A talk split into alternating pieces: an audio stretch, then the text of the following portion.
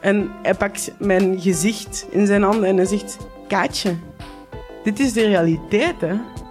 Hey, ik ben Pieter van Relaas. In Relaas hoor je waar gebeurde verhalen en die worden live voor een publiek verteld door de mensen die ze zelf hebben meegemaakt.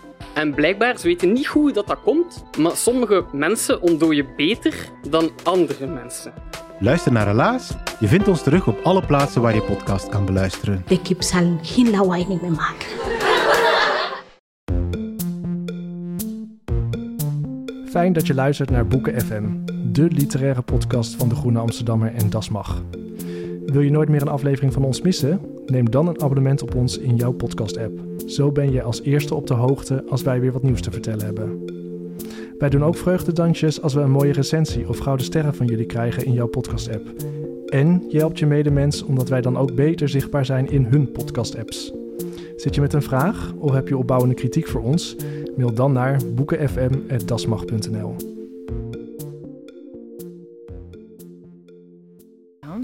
Kan iedereen even... Test 1, 2, 3, test 1, 2, 3, dek, dekwits in de hout, dekwits Oké, in de de hout. Vries in de house, de Vries in de, De biskel, is- de frissel in je ossa, je weet het. Oké, dit is top. Het gaat allemaal wat trager vandaag, hè? Dat is oké. Hallo lieve luisteraars. Het is nu we dit opnemen in hittegolf, maar we houden voor jullie het hoofd koel. Ja, dat klopt, Ellen. Wat fijn. Eh, hallo lieve luisteraar, welkom en leuk dat je luistert naar een nieuwe aflevering van Boek FM, de literatuurpodcast van uitgeverij Das Mag en de Groene Amsterdammer. Eh, in afwezigheid van Bob ben ik, Merel Borst, vandaag weer uw lieftallige host. Omdat het momenteel 33 graden is, eh, de mussen van het dak vallen en mijn hersenen bijna gesmolten zijn, houden we het wat korter en hebben we een small talk over zomerboeken. Er zijn van die boeken die je in de winter onder een dekentje op de bank leest en die je doen verlangen naar warme zomers met lange avonden en verkoelende zwemsessies in een mooi blauw meer. En er zijn ook zomerboeken die zich afspelen op zulke mooie of fascinerende plekken dat je er misschien graag naartoe zou gaan of bent gegaan door wat je gelezen hebt. En omdat veel mensen door corona eh, de vakantie in eigen land vieren, praten we in deze smalltalk over boeken die je reislust hebben opgewekt. En vandaag praat ik over die boeken met dichter en literair columnist Ellen Dekwits. Hi Merel, hi Hallo. luisteraar, hoi. En schrijver en adjunct hoofdredacteur van de Groene Amsterdammer, Joost de Vries. Hallo. Hoi jongens, het is heel, echt heel erg warm. Ja, dit is hoe de menopauze moet het, voelen, het is bijna gênant zo, zo nat en bezweet als we zijn. Dit Ja. is meestal een soort van niveau van intimiteit dat je niet snel met mensen bereikt. Nee, niet met maar anderhalve meter ertussen, Nee. inderdaad. Nee, dit is eh, vrij intens. Maar vakantie, het is half augustus. We zijn eigenlijk al bijna door de zomer heen. Nou ja, dat niet, maar we, ko- ja, we komen dichterbij. Eh, jongens, zijn jullie al op vakantie geweest? Ja, ik ben even naar het platteland geweest met mijn geliefde bij eh bevriend gezin. Oh. Eh, en dat was, dat was, de bedoeling was dat het heel fijn zou zijn. We hadden allemaal ook afzonderlijk ons laten testen op COVID. En iedereen was schoon. En de tweede dag komt de kleuter van het bevriende stel de woonkamer binnen. En die zegt hatsjoe. En Oh. een anderhalf uur later lag iedereen met koorts op bed. Iedereen weer laten testen. Bleek het geen corona, maar gewoon een ordinaire zomergriep. Waar we anderhalve week lang Oh, 38 man. plus van hebben gehad. Dus het was, ja, Voor jou duurt deze hittegolf al heel lang. Heel dus. lang. Heel lang. Is, ik vind het lekker cool. Nou, een 33 graden. Oh, lekker. Fris. Ja. Hmm. Sjaal om. En jij, Joost, ben jij nog weg geweest? Ik heb net te horen gekregen dat mijn vakantie geannuleerd is. En nu weet ik niet meer precies wat het doel van mijn leven hier op aarde is. Ik heb me gewoon al wekenlang ga staande gehouden. Ik denk, lekker hard werken deze zomer. Lekker veel op mijn schouders nemen. Lekker sterk zijn. En dan straks in die Middellandse Zee eh, plonzen. En eh, toen kreeg ik opeens een mailtje van TUI. En toen dacht ik nog, dit is zo'n nepmailtje. Ik word geskimd, weet je. Dat is soms een beetje zo'n vaag, vage afzender bij. Denk ik, haha, mij hebben ze niet en eh, mij nemen ze niet te pakken. En toen kreeg ik daarna nog een paar mailtjes en ik moest ergens inloggen. En daar stond ook echt overal stond zo van... Uw vakantie is geannuleerd, uw vakantie is geannuleerd. Dacht, nou, dat- rode banners. Dit, dit hebben die hackers, die hebben dit goed voor elkaar gekregen. Die beginnen me, en toen op een gegeven moment begon toch wel het kwartje te vallen. eh, zeker toen ze me ook begonnen te bellen. eh, toen werd het me wel duidelijk dat de vakantie... eh, En jij maar dus lachen ik, toen ik, ze belden. Ik, ik maar lachen van, haha, ik trap er niet in. maar krijg je niet. Maar goed, toen op een gegeven moment wisten ze zoveel dat ik dacht van, oké, wacht eens. En, eh, dus ik moet nu, vanavond moet ik gewoon een nieuwe vakantie gaan boeken. Want ik ga volgende week, heb ik vrij. En ja, dan moet ik toch wel echt... de stekker eruit en ergens eh, met dit, dit lompe lijf in een, eh, koud zwembad In vallen. een bad liggen. Maar TUI doet aan vouchers, hè? Die Ja, ja, dus ik krijg een terug. voucher. Dus ik moet nu met TUI weer een... Ja, goed. Oh, wat leuk. ja, dat Wat een leuke leuk, bezigheid leuk. Ja, op een lekker. avond Ik begin wanneer die het site 33 heel graden is. te kennen. Ik begin die site van TUI echt gewoon... ja, prachtige site. Heel gebruikersvriendelijk. Heb je al wat op het oog? Eh, Nee. hey, Merel, jij dan? Ga jij Ja. nog weg? Ik ben een weekje wezen kamperen in eigen land. Oh, waar Dat precies? was erg leuk. Eh, op een natuurcamping. Bedoel je dat je bloot Wat bent eigenlijk- geweest? nee, bloot, dat bloot, is echt, naakt. Dat is nudiste-camping, jongens. Oh ja, Er zijn verschillen. Ja. Eh, nee, ik had gewoon mijn kleren nog aan. En eh, dat was ja, dicht bij de Veluwe eigenlijk. Dat was heel fijn, heel rustig. Vrijwel niemand. Oké, heb Voor je mij wolven dat, gezien? eh, Oh. vakantie. Eh, nee. Nee, dat had gekund. Maar goed, jammer. Niet Ja, spectaculair, wel veilig. dus Ja. dat was fijn. Vakantie in eigen land. Doe ik niet zo vaak. Maar ja, nou, het was een weekje. Ik denk dat ik nog wel eind van het jaar... Ja, dan ga ik nog wel. Waar ga je heen? Weet ik niet. Maar ik ga mijn rijbewijs halen. Oh, for meisje you. Oh, gaat een rijbewijs halen. Heb jij je rijbewijs? Nee, nee, ik moet Nee? even... Kunnen we niet samen lessen? Is dat goedkoper? Eh, met z'n tweeën in een... Nou, ja, ik ben al bijna klaar. Nee, ik Oh. moet eigenlijk... eh, Oh. Eind oktober moet ik afrijden. En eh, nou ja, dan is dus eh, het moment suprême. Als ik dan mijn rijbewijs heb, dan scheur ik gewoon naar de eerste, de beste... Ik weet niet, natuurcamping. Nee, ik ga wel de grens over, denk ik. Een Duitse natuurcamping of een Belgische. Ja, Zoiets. leuk.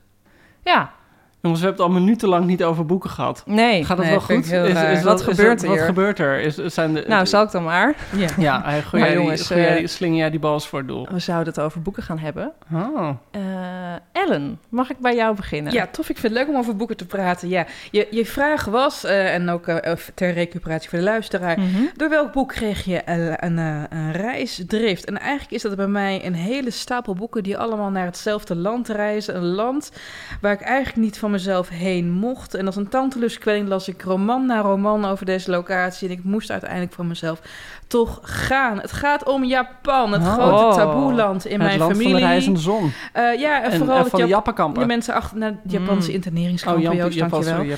Waar mijn halve familie dood is gegaan. En dus thuis hadden we, mocht, ja, was Japan eigenlijk een beetje het verboden onderwerp. Eh, niks mocht van Toyota, niks mocht van Sony. En daarom vonden mijn broer en zus en ik het altijd geweldig om achter de rug van mijn oma, die naast ons woonde, stiekem alles wat Japans was te verzamelen. Dus wij maakten echt al sushi in een tijd dat mensen dachten dat het een bleekmiddel was.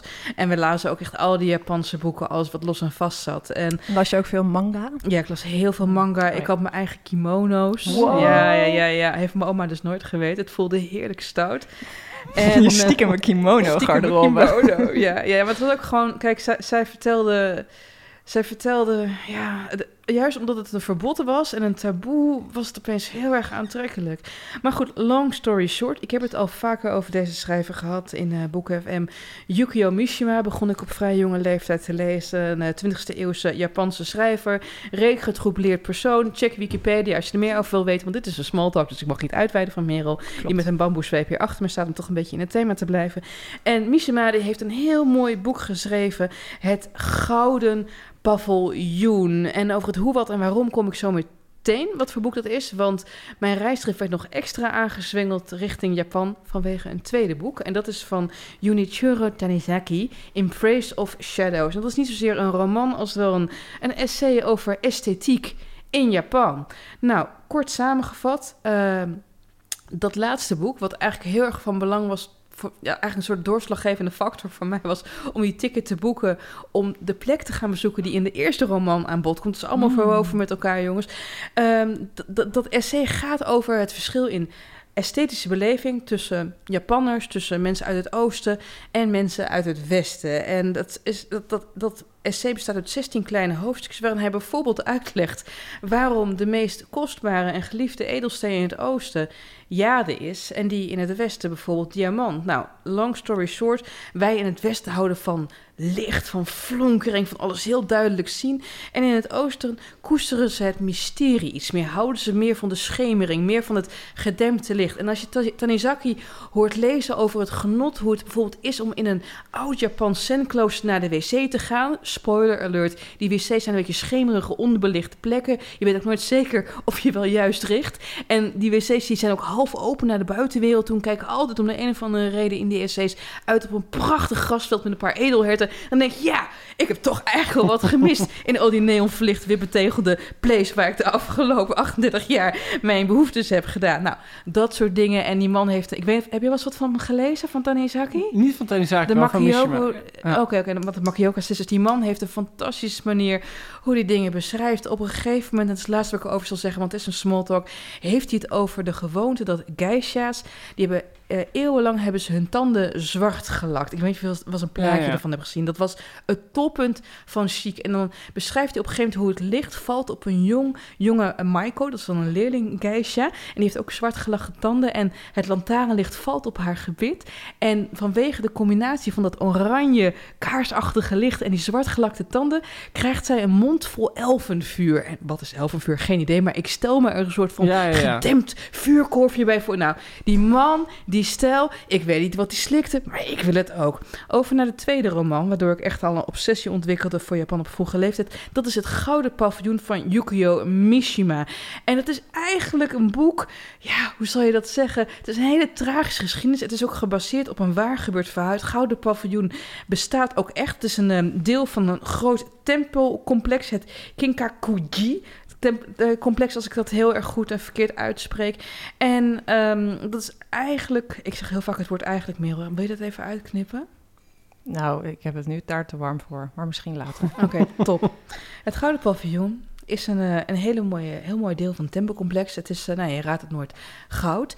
En het is ergens in de jaren 50 door een waanzinnige monnik in de fik gestoken. En Yukio Mishima, die was dan een wat eh, ja, aftakelender schrijver voor zijn doen dan. Die man had een narcissuscomplex van, heb ik jou daar. Zoek dat ook maar even op op Heel Wikipedia. fascinerende manier aan zijn einde gekomen. Heel fascinerend, maar Ja. dat gaan we niet Oh, verklappen. gaan we dat niet verklappen? Nou, dan, kun- oh, ja, dan kunnen mensen zelf, dan Ja. kunnen mensen zelf googlen en, en lezen hoe die aan zijn einde is Ja, gekomen. dat is eigenlijk wel Het is wel leuk. Ja, hij is op een hele spectaculaire Heel Yukio Mishima geëindigd. Maar weet je, het is een small talk, dus we kunnen niet verder op ingaan. Maar het is hetzelfde als wanneer iemand tegen je zegt... Ja, de vikingen executeerden mensen door middel van een bloedarend. Denk je, oh, interessant, Bloed, bloedarend. wat is Wow. Pictures, Wilde fine je pictures. ook niet weten.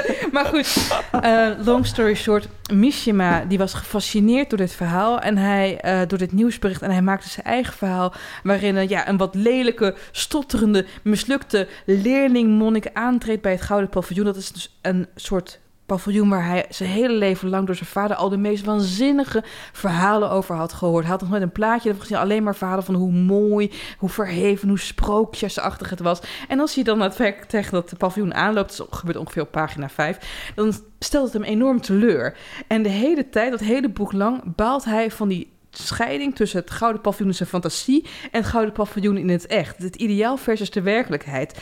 En eh, daar komen nog heel veel andere bespiegelingen bij van hoe verdorven het zen-boeddhisme is geraakt in Japan in de jaren 50. Maar long story short, op een gegeven moment steekt hij zelf ook dat hele paviljoen in de fik.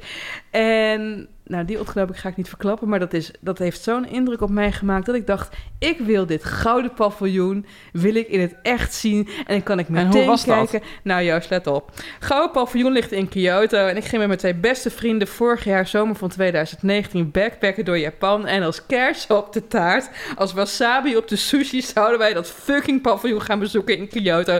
We hebben 3000 kilometer door heel Japan getraind. Laatste reisdag, wij komen daar aan.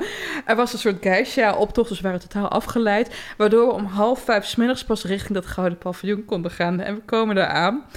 En ik zei van, ja jongens, ik weet wat, de, het, het klopt niet met het plaatje. Het was wel een paviljoen, er was een tempel naast, maar het was zilver. En wat Oh. blijkt nou? Onze Oh. gids was aan buis. Wij hadden dus het zilveren paviljoen, wat blijkbaar ook bestaat in Kyoto, gezocht in plaats van het gouden. En het gouden lag vier kilometer verderop en stond op het punt om op te sluiten. Dus ik heb het, long story short, niet gezien, want de volgende ochtend vlogen we terug. Ja, je bent er maar voor naar Japan gevlogen tenslotte. Het was, dat was alles. Ik heb wel veel mooie, leuke andere dingen gezien hoor. Maar eh, ik zou dus een keer terug moeten. Ja, vorig jaar zei ik, ach ja, dan ga ik in de zomer van 2020 wel naar Japan. Dat is geen enkel probleem. En ik ben nog steeds in afwachting. Maar weet je, hoe meer ik er zo over nadenk, hoe poëtischer dit eigenlijk is.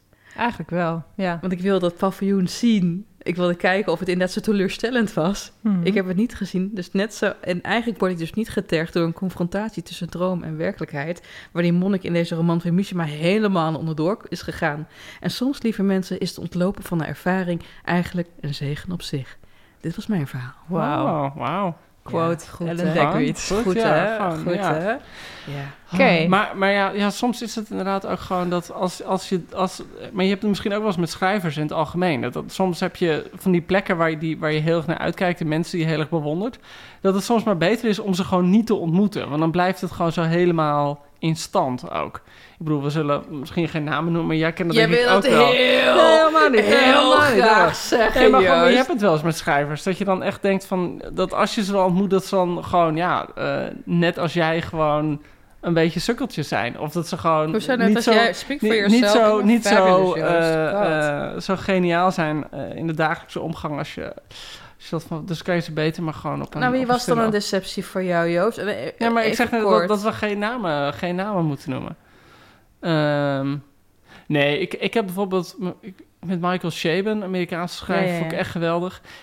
En die interviewde, en dat was misschien niet eens zozeer zijn eh, tekortkoming of zo, maar dat, dan zit je tegenover zo'n man die gewoon al 60 interviews die week heeft gegeven en er gewoon echt geen zin meer in hebt op, op Heeft. jouw fanboy praatjes of zo.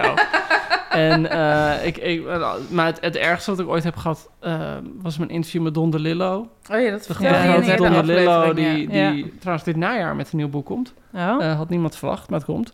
En die, die gewoon geen tekst had. En dat je echt gewoon een half uur later weer buiten staat. En dat je gewoon met een bandje waar zes antwoorden op staan van twee zinnen of zo. Dat je echt denkt, mijn god, deze man. Daar was je voor naar Amerika Dat was voor gevlogen, naar? New York gevlogen, ja. Ja. Oh Ja. ja. oh jeetje. Nou goed, dat is gemiste kans, maar Joost, daar gaan we niet over hebben. Vertel eens eventjes. Nou, maar kijk, dit is een mooi bruggetje. Want eh, maar. Ik, ga, ik ga het bruggetje nog niet, niet weggeven, want dat is ook de clue. Maar ehm, waar ik volgens mij ook wel eens over heb gepraat... zijn de romans van Edward St. Alban Nou, over Patrick Melrose. wie? Wie? Hè? Ja. Heb ik nog nooit gehoord, Trouwe Joost. luisteraars. ja? Ja? Trouw luisteraars, je kan nu gewoon een paar minuten doorspoelen. Oké, nou dan hoef ik allemaal niet heel veel te gaan zeggen waar het over gaat. Maar die heeft eh, vijf romans geschreven over hetzelfde personage. Oh mijn god, nu heb, Wie ik, was ook, het nu heb ik zelf niet eens meer zin om het te vertellen. Maar goed, in ieder geval, eh, die spelen zich heel erg af in de, de hogere upper class kringen in Londen, in Engeland. Met allemaal mensen die heel grappig zijn en heel naar. En eigenlijk allemaal het ene trauma aan hun, van hun ouders weer doorgeven aan hun eigen kinderen. Eh, het, het zijn boeken van een zeldzaam niveau. En hij komt na de kerst volgens mij met een nieuwe roman. Ja, Joost hoort wijst nu goed. met zijn vingers voor naar Ellen. iedereen. Ik tijd naar, Ellen. Die, wijst die dus echt met een, een gekoud bier- biertje Tegen, tegen haar hoofd tegen aan haar zit. Gewoon, Ja, om het gewoon zo af te warm koelen. en dit is zo saai, Joost. Oké, maar, maar ehm, die boeken spelen zich heel vaak af in St. James. St. James een wijk in de, de mooiste wijk van, van Londen. Een heel klein stukje is het maar. En dan heb je St. James Street. En aan St. James Street zitten allemaal hele mooie, exclusieve herenclubs. Dat zijn van die herenclubs waar ik nooit in mijn leven een voet naar binnen zal, zal mogen zetten. Want die zijn alleen voor leden. En die leden, dat zijn alleen maar admiraals en prinsen en hertogen. En, en hele bijzondere mensen. Ja, maar Of- ik dacht dat de Friese adellijke naam was. ja, nee, de Fries is inderdaad hoge adel. Eh, je hoort die naam zelden ook. Eh, inderdaad. En, ehm, maar goed, eh, altijd als ik in Londen ben, loop ik daar dan een beetje doorheen. En ik had er ook een keer gelezen dat, dat niet alleen eh, de personages in die boeken van St. Alban zijn lid van Whites. Whites is de meest exclusieve club.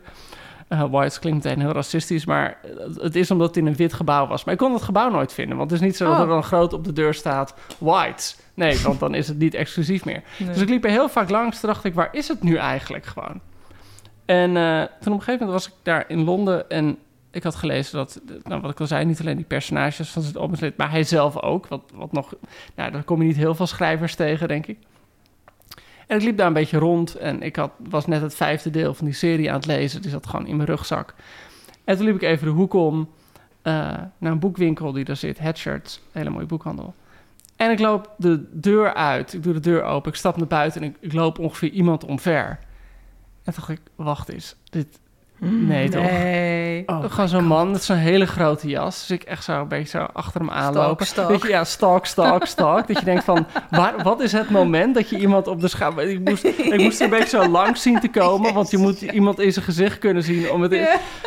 En, ehm, liep hij ook heel snel dat je met een klaplong dus hij, hij liep gewoon zo en hij liep zo de hoek om, ook echt zo richting White. Dus ik echt zo erachter. En toen op een gegeven moment was er zo'n eh, zo'n zo'n oversteekplaatsje. En daar kon ik er echt zo langs glippen. En toen dacht ik zo... Oh, can I ask you a question? Are you Edward St. Alban?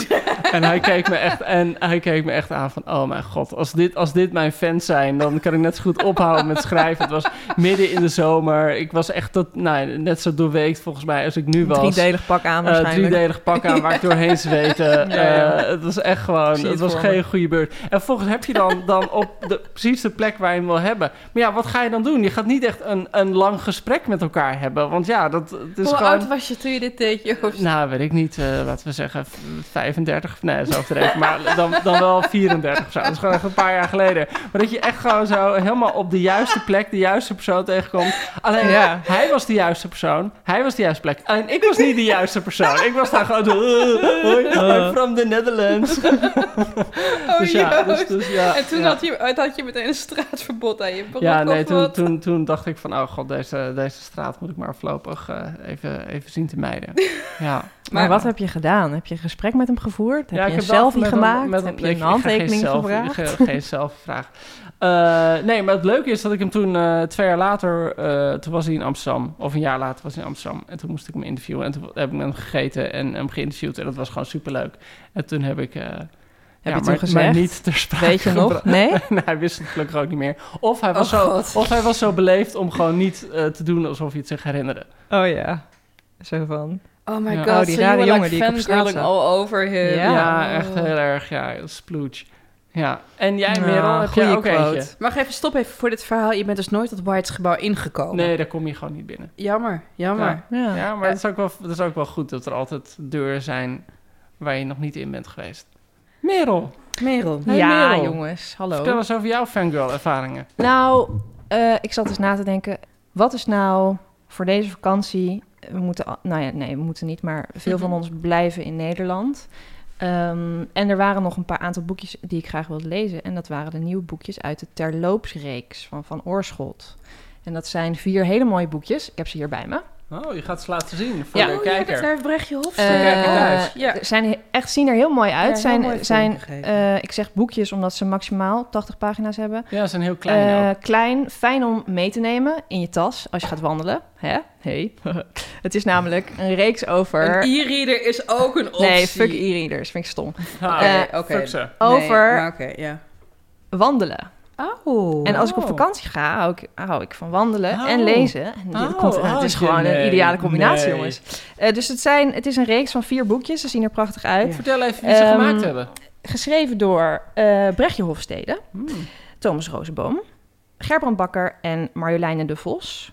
En elk boekje beschrijft een wandeling die de auteur vaak loopt, eh, he- vroeger heeft gelopen. Ehm, bijvoorbeeld de grote ronde van Thomas Rozenboom door het centrum van Amsterdam. Of Marjoleine de Vos, die eh, woont in Noord-Groningen, het desolate landschap van Noord-Groningen. en heeft daar een heel, echt een heel mooi boekje over geschreven. Eh Gerbrand Bakker, die in Duitsland eh, een, een wandeling om zijn huis heeft lopen en die eigenlijk opnieuw gaat eh, bewegwijzeren. Dat is een, erg grappig, vond ik die.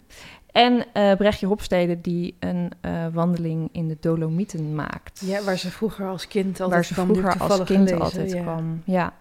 En ik vond het erg. Ik heb ze dus alle vier gelezen en ik vond het erg leuk dat iedereen zo'n eigen benadering heeft van wandelen, maar dat het best wel ehm, ja, iets groots is in hun leven. En ja, ik werd er erg blij van. Ja, wat, wat, Ik wilde graag erdoor gaan wandelen. En wat, wat, wat vond je, wat- kan, je, kan, je, kan je iets specifieker zijn? Wat, was, wat maakte echt indruk? Nou, wat ik eh, vooral bij Marjolein de Vos had, dat zij eh, het over het landschap van Noord-Groningen had. En ik ben zelf opgegroeid in Drenthe, Yes. op een boerderij. Echt, eh, Joost. Fuck off. Sure, Joost. Ehm, en nou ja, in, toen ik daar...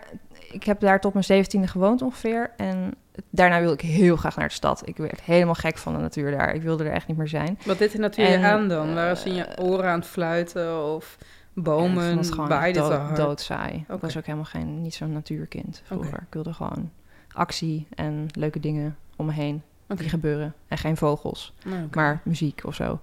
Eh, maar nu is dat dus weer aan het veranderen en ga ik heel graag terug naar Drenthe. Dat vind ik fijn. En ehm Marjolein heeft dat heel erg mooi beschreven in dat boekje Je keek te ver. Oké. En dat was ja, een van de dingen waardoor ik ja, vakantie in eigen land zo waardeer. Ja, En überhaupt het eigen landschap. Ja, dat snap ik. Ja, maar zeker dat landschap in Groningen, dat is zo... Ja, je moet ervan houden, maar het is zo mooi woest en ledig. Ik heb zelf natuurlijk vijf jaar gestudeerd in Groningen. En wat echt voor mij, zodra het voorjaar aanbrak, gewoon eh, vaste prikken was, was elke week een heel stuk fietsen. Meestal richting Glimmen. Weet je, ken je die omgeving? Daar heeft Kopland gewoond, heeft daar gewoond. Mm, Prachtige bo- bossen. Je komt kilometers lang, kom je geen hond tegen. nee. Af en toe zie je een roofvogel biddend aan de hemel. Het is echt... ja, eh, prachtig.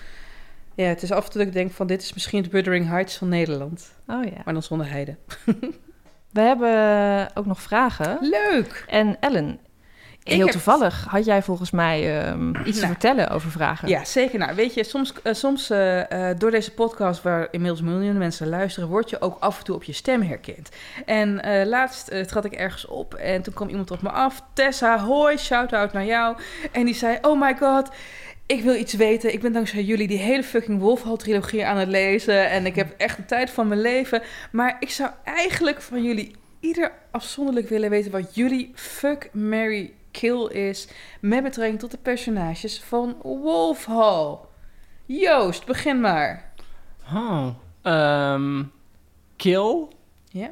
Zou ik voor Call Me gaan. Ja? Voor Risley. Dat is een soort van het onderkruipertje. Het onderkruipertje, de brilsmurf en poten. ja, de, ja, en, de, brilsmurf is echt precies wie het is één, inderdaad. ja, gewoon ook nog een soort van verrader. Het Ja. is gewoon iemand die als soort van intrigant ergens tussen zit. In het hofhouden, in het huishouden van ehm, Cromwell wordt geplaatst. Ehm, fuck. Ga ik voor de... ehm, Lady Howard, klopt dat? Ja, welke Lady Howard? ja, die ene die eigenlijk aan, in de hofhouding zit van eh, Anna Boleyn. Oh, en ja, eigenlijk heel ik erg tegen haar intrigeert. Jane Howard. Jane Howard. Jane Howard, de ja. vrouw van George Boleyn. Ja, Hij de vrouw van- haar ja, ja, enorm. zo- ja, ja, En ja. dat is zo iemand die zo heerlijk komt roddelen en... en eh, Maar die zou je doden? Nee, die zou ik fucken. Oh, fucken. Ja, fucken. Oké. Ja? want, want mensen die goed kunnen roddelen, kunnen dus ook goed... Ja, maar dat is gewoon een beetje zo'n... ja, nee, ze verdient een beurt. Maar ook Ja? een beetje dat geheimzinnige dat er bij haar in zit. denk je, nou, daar kan je vast een goede affaire mee hebben. En dan eh, Mary? Mary, eh, ja, gewoon Henry natuurlijk. Je wilt toch gewoon op die troon terechtkomen. Ja, dat is gewoon... Eh, Dan iemand- kan ik lid worden van, eh, van White aan St. James Street. Ik denk dat dat mijn enige manier is. Ik snap het helemaal. hey, Merel, jij dan? Mary. Ja, ik eh, moet tot mijn spijt bekennen dat ik Hilary Mantel niet gelezen heb. Dus ik zou, maar ik zou, heb er wel ontmoet. Ik zou er zelf wel, ik zou er zelf wel Mary. Ik vond haar echt heel erg leuk. Dus dat was heel leuk. Zij Ja, is ik heel zou ook leuk, Mary, ja. Ik zou haar misschien ook wel marryen. Dus Hilary Mantel is mijn Mary en verder ehm, laat ik het hierbij. Ellen. Ja, eh, fuck Anna Boleyn. Want ja, die is natuurlijk... Hoe hou, je, hoe hou je in godsnaam de aandacht van iemand zeven jaar vast? En hoe zij wordt geportretteerd door Hilary Mantel... is ze zo heerlijk snobby. Niks aan haar in die hele roman is eigenlijk sexy te noemen. Ze heeft geen boobs. Ze heeft een soort haakneus. En toch zit er ja, een soort van iedereen gaat op haar. Ja. geilheid die er van afdamt. Nou, ik geloof Hillary Mantel op haar woord, dus fuck zeker. eh, en Bolijn. Eh, Mary zou ik misschien Rafe Sattler doen. Want die is natuurlijk zo ontzettend lief en zo ontzettend trouw. En heet Rave, wat altijd zo'n stoere naam is. Ja, precies. Ik moet meteen aan Charlie Lones en Mental Theo denken. Dus daar kan je ook wel iets leuks mee doen. Ja, en Kill. Ja, Henry natuurlijk. Wat een lul is dat zeg. Entitled roodharig reuzenkind. Het is kloontje het reuzenkind, Joost. Het is afschuwelijk. En hij wordt natuurlijk in de tv-serie geportretteerd door Damian Lewis. Die, nou ja, Damian Lewis de enige keren dat ik daaraan denk in een seksuele context... is om een orgasme uit te stellen. Dus dit zijn mijn fuck, Mary kill. Hey, en weet je, ik heb van veel mensen gehoord, Joost Merel, dat ze dankzij ons dus die hele Wolfhall-trilogie aan het lezen zijn. En wat mij dus nu leuk lijkt, is een wedervraag. Dus lieve luisteraars, als Ja. jullie er klaar mee zijn, stuur ons jullie fuck, Mary kills. We gaan durven. Mhm. Vind ik, toch jongens, vind ik leuk. We gaan zeker durven. En dan ben ik echt heel erg benieuwd of jullie het ermee eens zijn of niet. En in het verlengde daarvan, eh, kijk, nogmaals, ik hoor heel vaak dat mensen ons luisteren. Ja. Eh, veel vaker dan mensen zeggen goed. van... hé, hey, je hebt toch die bot, bot, boeken en podcast, daar luister ik dus nooit naar, weet je wel. Dus dat is sowieso een goed teken. Maar wat ik leuk vind om te horen is wat jullie aan het doen zijn als jullie ons luisteren. En ik hoorde van eh, Jessica Duurlach, een gewaardeerde collega-schrijfster... dat zij ons altijd luistert als ze aan het hardlopen is. Nou, ik, kijk, want ik luister zelf elke aflevering terug... om daarna een half uur lang met een hamer mezelf in het gezicht te slaan. ik luister ons altijd Je dagelijkse portie zelfhaat. ja, ja, Ja, ja. ja, ja, alsof mezelf is nog niet genoeg zijn daarvoor, Ja. Joost. Ik luister ons altijd terug als ik mijn cavia's aan het verschonen ben. Ah. Dus lieve luisteraar, ik vind echt leuk. Mail ons. Waar, waar- wat zijn jullie godsnaam aan het doen? ja.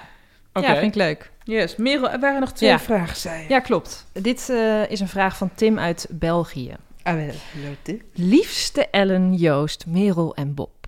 In een tijd waar podcasts ontspruiten als wilde bloemen in de gracht, zijn er teleurstellend weinig goede literatuurpodcasts. Die van jullie reken ik daar wel bij. Gelukkig. Jullie zijn de belezen vrienden die in de echte wereld zeldzaam blijven, blijken. Ik heb net met enige vertraging de aflevering over Camus' De Pest geluisterd. Als Camus-fan, tussen haakjes, ik heb zelfs Sisyphus op mijn voorarm vereeuwigd, ben ik verscheurd tussen blijheid Wacht met het nieuwe... Wa- wa- Wat is een voorarm? Is dat een, een, een, een, pols, eufemisme voor een... Oké. Oké, ja. Jezus, Ellen! Ben ik verscheurd tussen blijheid met het nieuwe lezerschap en frustratie over de verkeerde leesintenties. Bedankt om dat toch even te duiden, Ellen. Jij bent stiekem altijd al mijn favoriet geweest. Oh, Tim, dankjewel. Overigens vind ik het vreemd dat Stad der Blinden van Saramago, eveneens Nobelprijswinnaar, geheel over het hoofd gezien wordt in tijden van quarantaine. Ja. Nu iedereen Nee. Camus gelezen heeft, is dat misschien een prima boek om in de onvermijdelijke tweede coronagolf te lezen. Oh, jezus, ja. Maar genoeg over corona. Ik heb ook een vraag. Ik las onlangs The Sellout van Paul Beatty, de eerste Amerikaan die de Man Booker Prize won in 2016. Het is niet alleen het grappigste boek dat ik ooit las, daarmee Catch-22 van de troon stotend, maar ook een ja. boek dat met het racisme-debat rond Black Lives Matter weer erg pertinent is geworden. Een absolute aanrader, een van de beste boeken die ik in jaren gelezen heb. Ook James Baldwin zie ik regelmatig terug opduiken. En aan de andere kant van het spectrum werd bijvoorbeeld Jeff eh, Gerard, Ja, Black Gerard. Venus? Ja, Oh, Black pardon. Venus. Ja, ja, ja, ja. ja. Uit de, ga ik weer, sorry, sorry Jack. Uit de Vlaamse literaire kanon geschrapt. Het is duidelijk dat literatuur over ras en identiteit een heropleving kent, al dan niet gelezen in een nieuw licht. Welke boeken raden jullie hierover aan? En zij tussen haakjes opnieuw relevant. Warme groeten, Tim, uit België. Hey Timmy, Eh, nou ja, kijk, we hebben het er al eerder over gehad in deze podcast. Een van mijn lievelingsboeken. En dat was echt een van de boeken die mij ja, nog meer de ogen opende over hoe het is om van kleur te zijn. Is eh, Between the World and I, of Between the World and Me, jongens. Me, ik even Me, meer volgens mij. Ta-Nehisi Coates. Wat eigenlijk gewoon een brief aan zijn eh, jonge zoon is over wat het betekent om zwart te zijn in Amerika. Wat de gevolgen zijn, hoe je eigenlijk met 10-0 achter staat. Dat is een van mijn lievelingsboeken eh, daarover. Ehm, ik ben momenteel ook bezig met het lezen van, hou je vast, Gone with the Wind van Margaret Oh, waar? Mitchell. Ja, want ik dacht van, er zijn natuurlijk heel veel boeken, inderdaad ook gewoon Black Venus van Jeff Gerards. Eh, er zijn heel veel boeken die opeens niet meer kunnen. En ik dacht van, jeetje, hoe zit dat met deze roman, die toch echt wel tot de kanon behoorde, die in een tijd, want het, is... Het is in een tijd geschreven dat er ontzettend veel racisme is. Over van, kan het boek nog? En wat ik tot dusver opmerkelijk eraan vind, is er, worden, er, er worden verschrikkelijke woorden in gebruikt. Dus de, de zwarte mensen worden darkies genoemd en zo. Mhm.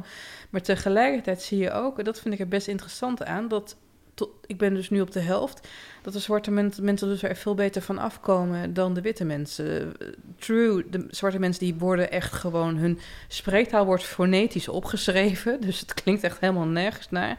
Maar het wordt, wordt wel door haar benadrukt hoe slim en hoe zij eigenlijk de baas zijn. Dus dat vind ik ja, interessant. Ik weet ook niet precies wat ik er daarvan moet denken. Het boek is minder plat dan die film. Die film is natuurlijk echt heel geromantiseerd. Nou ja, de film is ook goed hoor. Ja, de film is walgelijk als het gaat om de representatie van zwarte mensen. Als je kijkt naar bijvoorbeeld hoe Mammy ja, erin ja, zit, die alleen maar loopt te schreeuwen. maar, eh, Maar ook hoe die zwarte voorman, die in het boek veel intelligenter is, als soort halve mongool wordt neergezet. Het kan echt niet. Maar het boek tot dusver, nee goed. Joost, jij. Nou, ik denk inderdaad dat wat leuk is, eh, of leuk, wat gewoon interessant is, is als je, nou je had het ook over Baldwin. Hij heeft zo'n essay geschreven, The Fire Next Time. Eh, en dat is helemaal het voorbeeld van Ta-Nehisi Coates. Dus volgens mij is het heel interessant om die twee naast elkaar te, te leggen. Er, zijn, er zit 40 jaar of 50 jaar verschil tussen. En dan zie je heel mooi eh, wat er veranderd is, maar vooral wat er qua racisme hetzelfde is gebleven. Ehm, waar ik aan moest denken, vond ik een heel bijzonder boek, is Mimic Man, of The Mimic Man, van ehm V.S. Naipaul. V.S. Naipaul eh, is de Indiaanse Nobelprijswinnaar. En wat hij eigenlijk heel mooi heeft beschreven in dat boek, nou, het gaat dus over mimetische mannen. Dus mime, is het nadoen van iets. En wat hij eigenlijk beschrijft is mannen zoals hij, die dus allemaal uit India kwamen en dan volgens naar Groot-Brittannië toe gaan. En dan heel erg hun best doen om de cultuur van het Westen over te nemen. En het zichzelf daardoor ook helemaal verliezen. En tegelijkertijd daardoor ook niet meer als vol worden aangezien, zowel door het Westen, die denkt van ja, je doet het alleen maar na, als de familie die ze achterlaten in India. En die laat heel mooi, ja, heel bijzonder boek over, over hoe, ja, hoe het gevaar van jezelf kwijt te raken in zo'n eh, postkoloniale wereld. Eh, dus, dus dat is denk ik zo snel wat bij me opkomt. Ja, en weet je, Tim, kijk, ik neem aan dat eh, in het middelbare school ehm, eh, curriculum van de Vlaamse scholen niet echt Indische romans zitten. Maar als je nu bijvoorbeeld weer boeken leest als Oeroeg van Helle Haase, als je kijkt hoe, dat is echt stuitend hoe daar de zwarte medemens wordt beschreven. Echt alsof ze een beetje gewoon ja, gehandicapt zijn. Er wordt gezegd van ja, ze zijn wat gewelddadiger, maar ja, hun aard was ook wat beestachtiger. D- d- dat soort Oh, dingen, ja. dat zit erin. Tegelijkertijd, als je kijkt naar het land van herkomst van, van, eh, van Edu Peron, een hele goede schrijver, leuke prijs ook naar genoemd, dan zie je dat het eigenlijk veel... Heeft er gewonnen? Maar dat terzijde. Heeft ook weer voor prijs gewonnen? Dan, ehm, dan, dan, zie je, dan zie je vooral in hoe hij als... Hij is, hij is, eh, hij is half... eh, hij heeft Indisch bloed, hij is niet helemaal wit. Eh, hoe hij er tegenaan kijkt, maar ook hoe hij tegelijkertijd neerkijkt op eh, de, de zwarten. En ik, ik kan eigenlijk mijn verhaal niet afmaken. Ik heb het zo warm, Ja, jongens. ik val even voor je. Oké. Ja. Ik dacht nog voor... eh, ik, nou, zo hallo. Eh, Tim, ik dacht aan Americana van Chimamanda Ngozi Adichie. Ja, Ik hoop dat ik het goed Ja, ja, ja. uitspreek. Ehm, en dat gaat over een meisje dat opgroeit in eh, Nigeria... en daar verliefd wordt op een jonge Obinte... En eh, vanwege de militaire dictatuur daar naar Amerika vertrekt om daar te gaan studeren.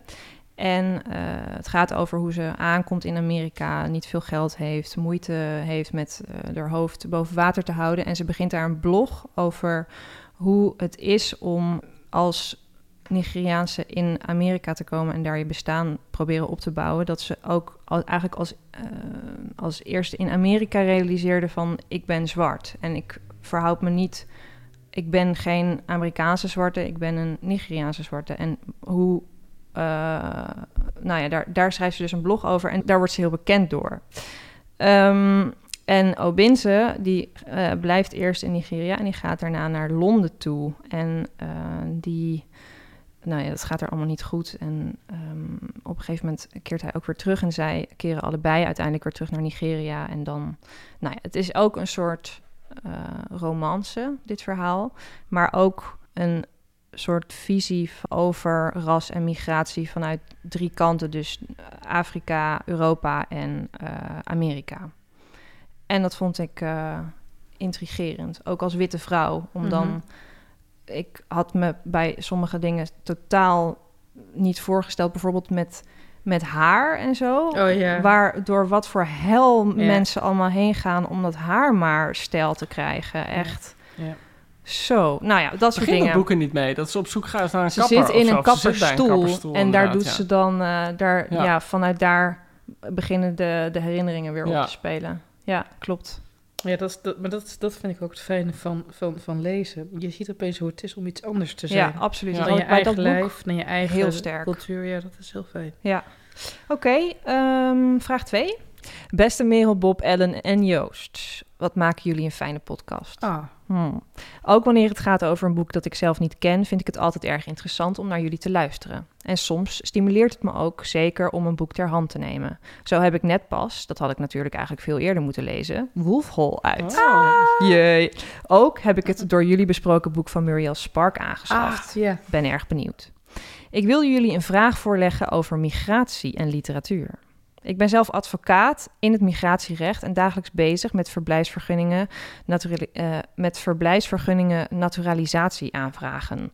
Voor een vakblad ben ik onlangs een rubriek gestart getiteld Migratierecht en Literatuur, waarin boeken centraal komen te staan waarin migratie en migranten een rol spelen. Het idee is om juristen en niet-juristen te laten reflecteren op mijn romans en poëzie die aan het thema mig- migratie raken. De aanname is, heel kort door de bocht geformuleerd, dat het nuttig kan zijn voor juristen om door middel van literatuur meer begrip te ontwikkelen voor de fundamentele andersheid van vreemdelingen, Hmm. tussen aanhalingstekens, zoals mijn cliënten juridisch te boek staan. Dan mijn vraag. Hebben jullie tips, voor boeken waarin migratie, migranten of misschien zelfs het migratierecht zelf gethematiseerd wordt? Zelf denk ik aan Milan Kundera, Moshin Hamid, Jhumpa Lahiri. Ja, Jean Palaieri.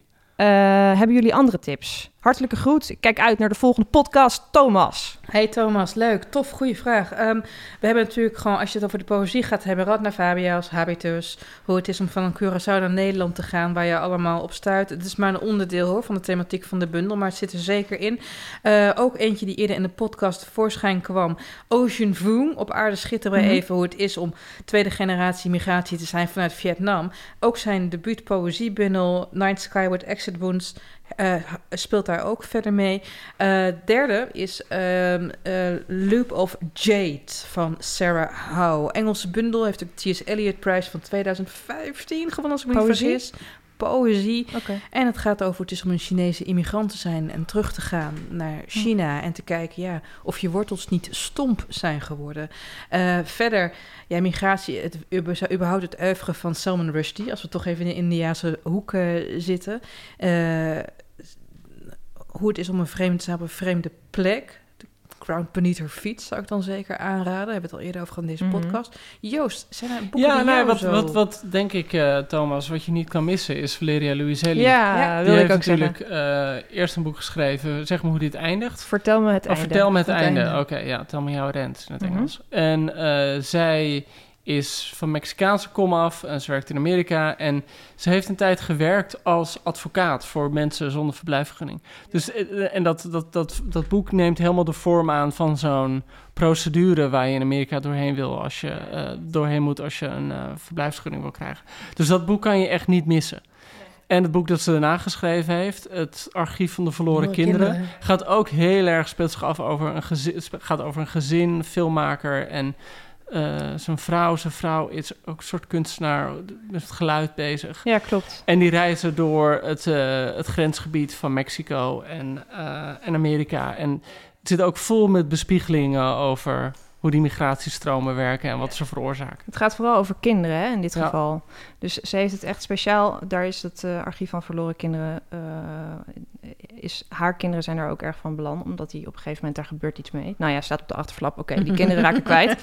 Eh, Het titel, ik weet niet. ja, precies. I don't know. Maar eh, en ook eh, vertel me het einde gaat ook over kinderen, Ehm, want het is dus opgebouwd uit 40 vragen volgens mij. Ja, uit het... eh, En dat is ja. dus letterlijk dat formulier. Dus die Ja. vragen die dan eh, soort van ingevuld moeten worden, maar natuurlijk helemaal niet ingevuld kunnen worden. Want iedereen heeft een eigen verhaal dat niet binnen de lijntjes past. Dus ja, Joost, je haalt me de woorden uit de mond. Valeria Luiselli. Oké. Ellen, je wilde nog wat zeggen? Ja. Nou ja, weet je, dat is eigenlijk gedwongen migratie, maar je hebt het lied en de, en de waarheid, fantastische roman van Helga Rups. Heb ik net gekocht. Nou, Nou, het is echt nou ja. heel... Nou, nou, nou, ik, ik, ik spoil niks. Het is fantastisch, fantastisch. Maar laat me weten wat je ervan vindt Ja, vanaf je Hmm, TUI-reis eh, pressure. Ja, ja. volgende week. Eh, spannend, spannend, spannend. Maar dat gaat over, de- deels over een jeugd in Indië en het terug moeten vanwege de omstandigheden. En hoe onmogelijk het soms is om te aarden in een land als Nederland, waar je dan eh, Hmm. tegenaan botst. Dus ja, dat vind, ik, eh, dat vind ik ook een heel knap voorbeeld. Maar goed, je vroeg ook poëzie, eh, Thomas. Dus eh, Ja, nice Ellen. heerlijk, heerlijk, heerlijk. Goed jongens, wat gaan wij de volgende keer doen? Hebben we daar al wat over besloten? Nee, want de volgende aflevering begint dan begint er gewoon een nieuw seizoen. Het Het is Oh. september. Oh. Nog Nieuw urgenter, Joost. Nog urgenter, dan nog ooit. betere literatuur, nog scherpere meningen, Nog grappiger. nog slechtere woordgrappen. Meer wij. Ja, meer. Meer. Meer. Meer juli. Meer- ja. Maar misschien ook meer Merel. Oh, meer Bob. meer We zullen Merel. het zien. Hmm. Ja, we weten het Ja. niet. Tromgeroffel. She puts the meer into Merel. Zeg ik hier ja. achter. Goed, bedankt voor het luisteren in ieder Ja. geval. ja, dankjewel jongens. Als je Hey. vragen hebt of heel graag je Fuck, Mary Kill wil opsturen, dan kan dat naar boekenfm.dasmag. Joost heeft een hele diepe zucht. Ja, ik, ik, Eh eh, boekenfm.dasmag.nl En eh, nou, ik ga even in een bad met ijsklontjes stappen, Ik want ook, ik trek ja. dit niet meer. Ja. Oké, in de Amstel nu. oké. Doei. Doei. Oh, eh, ik moet even de tune doen, hè? Oh, Merel, je Oh, bent zo, oké. Ja, en mail ons Ja. ook vanaf Ik ben, wat je doet als je eh, ons luistert. Hartstikke leuk. Ja. Dankjewel Oké. Joost, Oh, dankjewel Merel, dankjewel, dankjewel mezelf. Bye bye. Mijn computer trekt het ook niet. Dankjewel, ja, dat tof.